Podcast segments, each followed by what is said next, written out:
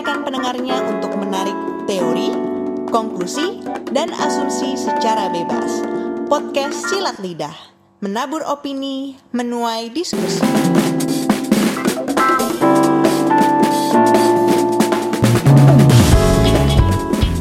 Selamat datang kembali di podcast Silat Lidah bersama gua Ivan Budiman. Oke guys, topik hari ini adalah topik yang gua sangat malu untuk ngomong. Karena topik ini cukup aib sih. Jadi hari ini gua akan jujur menceritakan kapan pertama kali gua mengenal dunia bokep. Tapi kenapa gue ceritain soal ini? Oke, karena ada pesan moral atau ada suatu hal yang eh, sangat ingin gue sampaikan dan stay tune please sampai akhir untuk mengetahui akhir dari cerita bokep ini. Oke guys, begini ceritanya. Gue dulu les Inggris di salah satu lembaga les yang cukup ternama pada zamannya. Nah mereka tuh punya perpusta- perpustakaan kecil gitu intinya. Dan di perpustakaan itu banyak banget majalah-majalah asing. Majalah-majalahnya majalah-majalah bagus, bener kayak Net Geo. Gue inget banget itu Net Geo waktu itu. Nah, tapi since waktu itu gue kelas 4 SD dan sebenarnya Inggris gue juga nggak bagus-bagus amat karena gue masih belajar, eh, kita akhirnya jadi jarang tuh lihat lihat majalah itu gitu loh. Kita lebih seneng main game. Dan karena di situ ada Sega, ya kita lebih baik main Sega gitu intinya. Karena kita lebih ngerti. Tapi gue ingat suatu kali waktu itu gue nggak sengaja buka waktu itu Net Geo, gue inget banget. Dan pada saat gue buka ada iklan parfum. Gue lupa parfumnya apa. Nah iklan parfum ini itu memang ini foto fashion ya. Jadi fotonya itu kayak ada tangan cowok lagi meluk cewek gitu. Dan muka cewek cowoknya nggak kelihatan sama sekali kayak gelap gitu kayak ya siluet lah. Maksudnya ini kan foto fashion. Tapi yang pasti gue inget waktu itu ada belahan dada. Dan itu bener-bener simply it's just a good advertising package yang mungkin lo sekarang lihat lah gitu intinya. Tapi since waktu kelas 4 SD gue nggak pernah ke expose ke dunia kayak gitu. Waduh gila, itu gue kepikirannya, widih boleh juga nih ngeliat belahan dada, gila gue ngeliat belahan dada aja udah excited gitu loh. Dan pas pulang gue inget banget, gue dijemput sama mbak dan supir gue. Gue ngomong ke mbak gue, mbak, tadi gue lihat itu ada gambar cewek ada belahan dadanya. Supir gue langsung, wih mana kok? Gak kamu bawa pulang gambarnya langsung mbak gue marah-marah kayak, apaan sih lu? Waduh bahaya nih. Sampai rumah, langsung dia ngomong ke nyokap gue. Nyokap ngomong ke bokap. Ngomongnya begini, Nyah, eh, Tuan, eh, Ivan tadi ngeliat gambar cewek telanjang. Eh, tunggu tunggu, inget ya, gue ngomongnya aja cuma ngeliat belahan dada. Tapi dia langsung bisa ngomong gambar cewek telanjang. Bonyok gue marah-marah langsung. Wah ini tempat kagak bener nih. Tem- itu tempat mengajarkan pornografi. Dan bahkan bokap gue sampai langsung ngomong ke gue. Ivan, itu yang namanya pornografi. Yang kamu lihat adalah majalah porno. Gue inget banget for your information, ini pertama kali gue denger kata porno dan bonyok gue lah yang memberitahu gue tentang kata porno based on informasi yang totally salah. Singkat cerita, mereka mengeluarkan gue dari lembaga itu, mereka marah-marah dan mereka merasa bahwa lembaga itu adalah lembaga nggak bener. Padahal sebenarnya lembaga itu lembaga bener guys. Dan gue nggak mau sebut namanya, mungkin sekarang udah nggak ada juga tempat lesnya. Cuma ini adalah salah satu contoh misinformasi yang disebabkan oleh omongan anak kecil yang tanpa dilihat buktinya dulu menyebarkan hoax. Oke. Dan itu zaman sebelum era internet.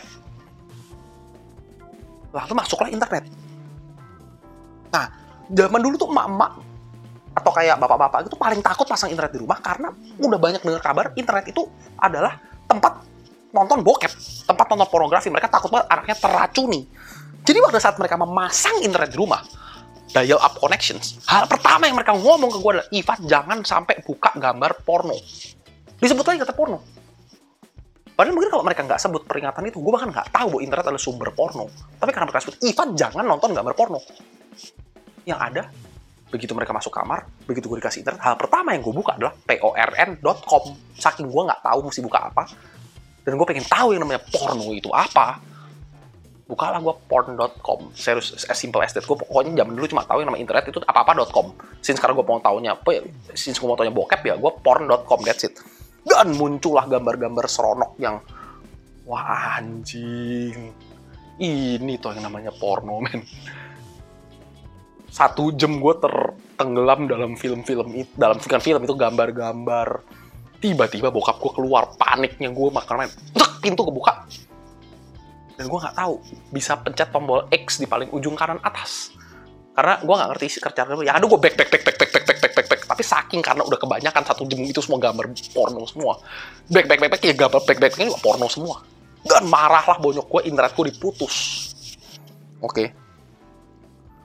Nah sejak itu wah aduh di rumah gue nggak boleh ada internet. Zaman itu udah mulai pada chatting MIRC gue pun nggak bisa chatting karena shit man. Nggak ada internet dan bokap gue berkeras. Nggak boleh ada internet masuk rumah ini. Mudaratnya lebih banyak daripada manfaatnya intinya seperti itu. Nah tapi gue dulu punya sebuah, seorang teman baik cowok. Nah ini nih kacau nih. Yang dia sering ngajakin gue nginep di rumahnya dia. Dan gue sangat seneng gue kalau nginep di rumah dia. Lu tahu kenapa? Karena dia selalu bilang Fat nginep di rumah gue koko gue gue tahu banget punya banyak gambar bokep. Ntar kita bisa main ke rumahnya kita bisa main ke kamarnya kita cari-cari gambar. Pasti dia punya banyak. Bonyok gue nggak tahu. Lebih parahnya lagi sebelah rumah dia warnet jadi udah tahu waktu itu gue sangat kesulitan menemukan internet. Dan di sebelah rumah dia warnet tepat. Lu tahu kenapa? Gue sering banget minta izin ke bonyok gue untuk nginep di rumah dia. Dan bonyok gue nggak tahu apa jadi sangat mengizinkan untuk gue nginep di rumah dia. Karena dipikir kita berdua adalah anak terpintar di kelas dan pasti kita adalah anak berprestasi. Padahal sebetulnya tujuan gue nginep di rumah dia adalah untuk nyari-nyari bokep. Gue inget banget sama dia berdua pergi pakai floppy disk. Dan kita pergi ke warnet kita bukain semua gambar porno kita save di floppy disk setelah satu jam kita pulang ke rumah kita buka itu floppy disk di komputer yang tidak ada internetnya dan lu udah tahu lanjutannya apa jelas-jelas orang ini juga teman baik gue ini yang mengajarkan tentang ngocok pertama kali ke gue jadi menurut lu apakah teman ini adalah teman yang baik buat gue atau enggak apakah ini pertemanan yang sehat atau enggak menurut lo. Tapi intinya semua informasi mengenai perpornoan dan perbokepan di pertama kali gue adalah semua terjadi di rumahnya ini orang. Oke. Okay. Tapi pertanyaan gue cuma satu gini. Apakah cerita ini tuh resonate gak dengan kalian semua yang seumuran gue? Gue umur 34 by the way. Bahkan gue berani mikir nih, mungkin hampir semua kalian mengenal pornografi atau bokep dengan cara-cara yang kayak begini nih mulut ke mulut, temen ke temen. Mengapa semua ini terjadi? Jawabannya gampang guys, karena nggak ada proper sex education. Nggak ada proper sex education baik dari orang tua atau dari sekolah yang mengajarkan hal ini. Jadi sebenarnya topik hari ini tuh gue lagi mau ngebahas seberapa penting sih sex, education buat anak-anak atau generasi bawah kita nih yang sudah mulai beranjak dewasa. Nah gini, gue akan bahas tentang sekolah gue yaitu masa SMA gue dan kalau lu dengerin podcast gue sebelumnya tentang kids jadul versus kids zaman now lu akan tahu gue sekolah di mana dengerin ya guys oke itu SMA jadi lu bayangin itu udah SMA ya berarti umur gue udah cukup dewasa dong. Nah di sekolah itu gue dapat pendidikan seks. Tapi pendidikan seksnya nggak tuh semua orang. Pendidikan seksnya itu untuk kayak mungkin mereka menganggapnya kalau bahasa sekarang opinion leader kali ya. Jadi orang-orang yang berpengaruh yang banyak mulut model kayak gue jelas gue pasti masuk. Kepilih gitu dari, dari satu kelas ada 8 kelas gitu. Dan satu kelas tuh cuma dipilih dua orang. Akhirnya kita dikumpulin kita disuruh ya kita diajarkan tentang seks. Tapi lu mau tahu nggak apa pendidikan eh, salah ilmunya kita di satu tempat itu itu even lebih jago dari semua gurunya. Ada guru-guru yang ngajar mereka ngajarnya hal-hal yang kayak basic-basic. Kita bahkan apa bisa ngomong soal dildo sex toys. Pada zaman itu guru aja sampai matanya agak sedikit terperangah gitu ya. tapi dia juga kayak nggak mau nunjukin ke kita jadi kayak dia mm, agak diem gitu tapi kayak murid-muridnya bahkan lebih jago daripada gurunya gitu loh intinya. Dan semuanya juga nemuin nggak ada yang ngajarin gitu loh intinya semuanya nggak ada yang ngajarin mereka tahu sendiri tahu dari mana nggak ada yang tahu itu ilmu-ilmu yang berseliweran di lapangan aja gitu loh jadi dalam hal ini sebagai orang yang sudah hidup dalam generasi itu dan mengalami hal ini, gue akan state posisi gue jelas banget. Menurut gue, sex education itu perlu perlu pakai banget diberikan kepada anak-anak yang hendak beranjak dewasa. Tapi actually meletak problem kontroversinya tuh di sini loh. Siapa yang harus ngasih sex education ini? Nah, menurut gue, gue tadi barusan mengajukan pertanyaan, siapa yang harus ngasih sex education ini? Nah, menurut gue itu harusnya ada dua oknum yang paling bertanggung jawab untuk memberikan sex education kepada anak-anak yang beranjak dewasa. Nomor satu, jelas orang tua. Dan nomor dua adalah sekolah atau lembaga institusi pendidikan. Menurut gue ini dua tempat yang paling proper sebenarnya untuk memberikan sex education. Mari kita bahas satu-satu. Kalau ngomongin ortu, menurut gue ini orang paling tepat. Paling tepat banget bahkan. Jelas pendidikan seks harusnya datang dari ortu. Karena selain ortu itu bisa memberikan pendidikan seks yang personalized, karena itu ortunya sendiri dan anaknya sendiri, mereka juga bisa menanamkan nilai-nilai yang hendak ditanamkan mengenai seks. Misalnya, lu percaya dalam agama atau dalam budaya bahwa jangan seks bermerit. Lu bisa tanemin ke anak lu.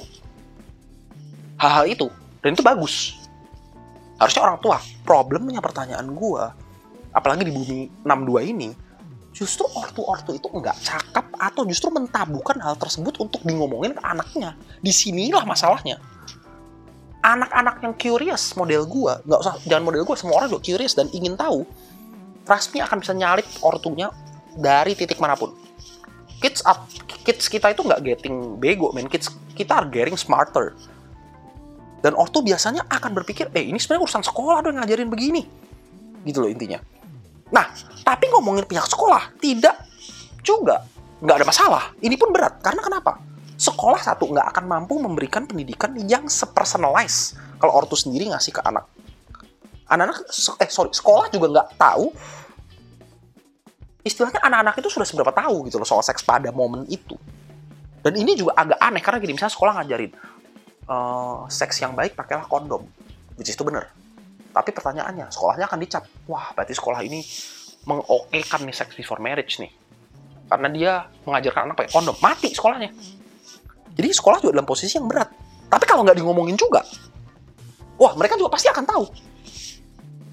Dari dari istilahnya sekeliling gitu loh intinya.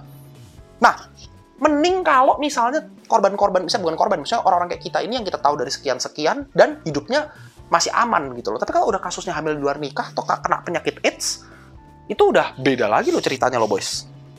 Gitu loh. Nah, tapi terlepas dari polemik siapa yang harus ngasih pendidikan seks, yang paling salah adalah kalau nggak ada pendidikan seks sama sekali. Jadi sebenarnya yang darurat itu jangan ngomongin soal kalau gue buka Google gitu. Misalnya sex education gitu. Terus banyak riset-riset yang bilang kayak perilaku remaja di kota besar 63% sudah melakukan um, seks penetrasi. Enggak, enggak, jangan ngomong gitu dulu. Itu bukan masalah besarnya. Masalah besarnya yang lebih darurat adalah ada nggak sih edukasi untuk para edukator? Harusnya edukator ini kan orang tua atau sekolah. Tapi kalau mereka aja nggak diedukasi untuk properly give a good sex education, ini ujung-ujungnya hidup gua, bos. Ya kayak gitu tadi yang gue ceritain di awalan-awalan. Bagaimana kita semua tahu melalui sumber-sumber yang nggak jelas. Dan masih mending kalau berakhirnya ya nggak ada masalah gitu lah. Kalau berakhirnya AIDS atau hamil luar nikah, bos, siapa yang mau tanggung jawab? Gitu kan.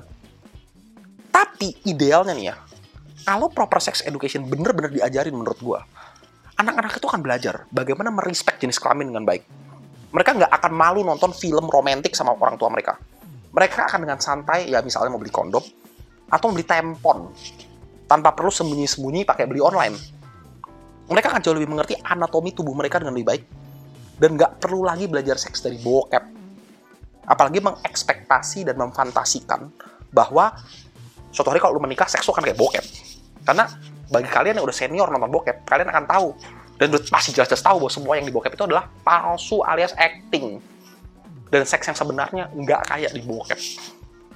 Which is, ya itulah kenyataannya guys. Nggak segitunya banget sih. So, teman-teman, pertanyaanku adalah, apakah kalian setuju dengan keberadaan sex education buat generasi-generasi kita yang akan beranjak dewasa dan siapa yang seharusnya memberikan pendidikan tersebut?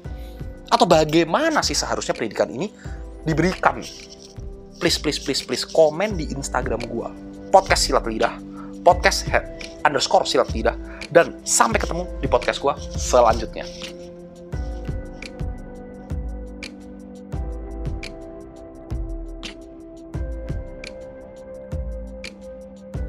Thank you for listening podcast Silat Lidah. Kalau teman-teman pesilat punya komentar atau opini, langsung komen aja ya di Instagram podcast underscore silat lidah. Di mana kita bisa saling berdiskusi dan tentunya bersilat lidah dalam menanggapi fenomena-fenomena kehidupan seperti ini. See you next week di podcast Silat Lidah. Menabur opini, menuai diskusi.